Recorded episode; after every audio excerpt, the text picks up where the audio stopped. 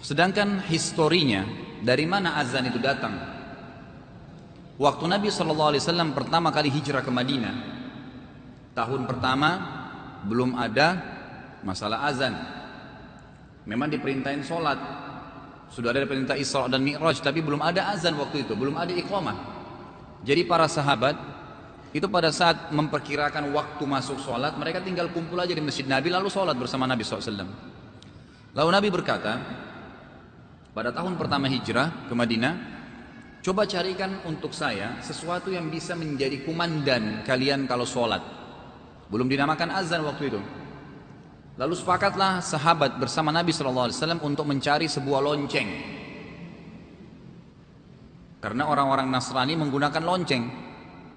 Maka waktu itu yang paling dekat dengan kaum muslimin adalah ahli kitab. Dan yang paling dekat lagi adalah orang Nasrani. Maka Nabi SAW suruh sahabat cari lonceng. Tapi di Madinah nggak ada lonceng. Sahabat semuanya keliling nggak ada. Sampai ada seorang sahabat yang bernama Abdullah. Beliau tidur kemudian mimpi. Beliau mimpi melihat seseorang datang berpakaian putih membawa sebuah lonceng. Lalu Abdullah berkata, maukah kamu jualkan atau jual kepada saya lonceng itu? Kata orang tersebut, untuk apa? Kata Abdullah dalam mimpinya nih, dia dialog sama orang tersebut, untuk kami gunakan sebagai tanda waktu sholat kami telah masuk. Lalu orang itu berkata, maukah aku tunjukkan sesuatu yang lebih baik dari lonceng ini? Maka Abdullah berkata, tentu. Lalu orang itu mengajarkan lafaz azan yang sekarang. Allah Akbar, Allah Akbar. Ucapkanlah kalau aku salat, ucapkanlah Allah Akbar, Allah Akbar, Allah Akbar, Allah Akbar. Syukur la ilaha illallah, syukur la ilaha illallah.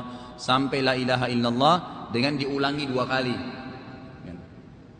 Lalu terbangunlah Abdullah, lalu lapor, langsung datang ke masjid Nabi melaporkan, ya Rasulullah saya mimpi begini.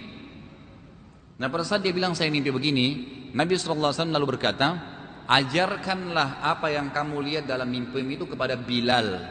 Kepada Bilal.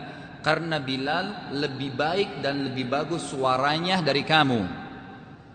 Ini hadis sahih.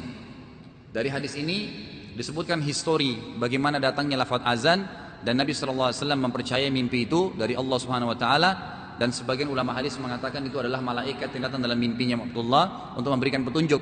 Makanya Nabi SAW langsung menerimanya. Nah beliau pun mendapatkan informasi tentang